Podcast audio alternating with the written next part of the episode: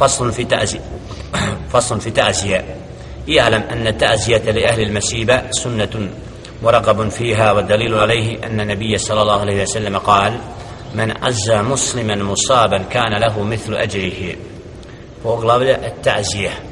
التعزية bude zadešen da ga zadesi određena nedaća da mu neko umre da izgubi da ga zadesi bolest ne znam znači u tim momentima pohvalno da prema tom čovjeku na određen način izvršimo etazije. Znači u smislu da se da ime imamo znači osjećaj da ga je to zadesilo. Navodi ovdje hadis iako je u poglavlju hadis spomenut od hadisa koji je daif i koji nema nego ćemo vidjeti kasnije od onoga što je vjerodostojno ali ovaj prvi hadis koji je citirao upravo predaja koja je daif kema kale ših Albani rahmatul alaihi da je upravo pripisano poslaniku alaihi sallam da je rekao men azza musliman onaj ko upravo bude od onih koji izvrši tazije prema muslimu koga nešto zadesilo imaće nagradu isto kao i on znači ovaj hadis nema utemeljenje i nije vjerodostojan وروى أبو داود عن عبد الله بن عمر قال قبرنا مع النبي صلى الله عليه وسلم ميتا فلما فرغنا انصرف وانصرفنا معه فلما هذا بابه لك يا فاطمة في الطريق فقال لها ما أخرجك يا فاطمة قالت أتيت يا رسول الله أهل هذا البيت فرحمت إليهم ميتهم أو أزيتهم به. فقال لها النبي صلى الله عليه وسلم فلعلك بلغت القداء؟ فذكر شديدا في ذلك قال ربيعة غيره الكداء القبور. Muhammedun alaihi salatu wassalam sa ashabima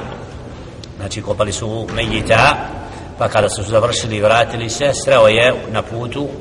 Fatima kćerku radijallahu ta'ala anha Allah zadovoljan sa njom pa je pitao je šta te izvelo ja Fatima pa je rekla došla sam o Allahu poslaniće vlasnicima kuće koje je zadesila upravo taj musibet pa sam znači da, da se فرحمت إليهم ميتهم والله الله سبحانه وتعالى سسميل ينهو مرتوما يزبرش لا تعسيه ويرك عليه الصلاة والسلام فلعلك بلغت الكداء أي القبور da ne bi slučajno bilo da dođeš i do kabura i onda je spomenuo od tešdida a to je da ne bi se dogodilo da žena odlazi na kabur poslije. Znači nije zabranjeno ovdje vidimo iz ove pradaje ali imam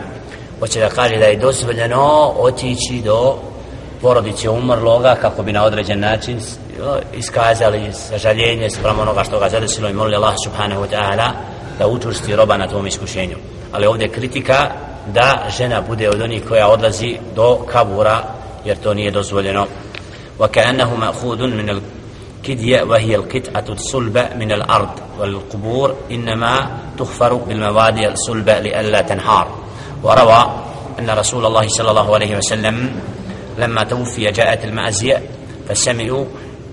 صوتا من جانب البيت يقول السلام عليكم أهل البيت ورحمة الله وبركاته. إن في الله أزاء من كل مصيبة وخلفا من كل هالك ودركا من كل فائت فبالله فثقوا وإياه ف ف ف فأرجوا.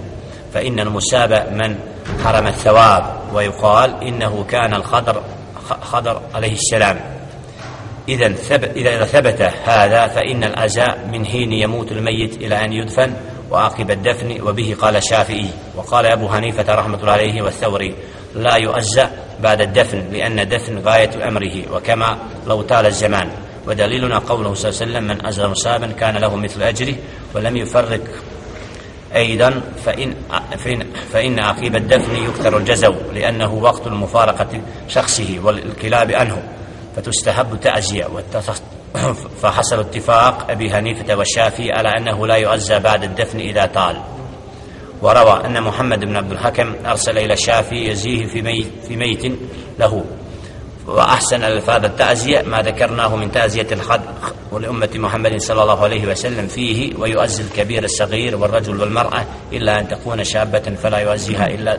ذو رحم. قال علماؤنا المالكيون التصدي للأجزاء بدعة ومكروه فأما إذا قعد في بيته أو في, في المسجد محزونا من غير أن يتصدى للأجزاء فلا بأس به فإنه لما جاء النبي صلى الله عليه وسلم جلس محزونا في المسجد وعزاه الناس. imam Šafi rahmatul alejhi i imam Abu Hanifa rahmatul alejhima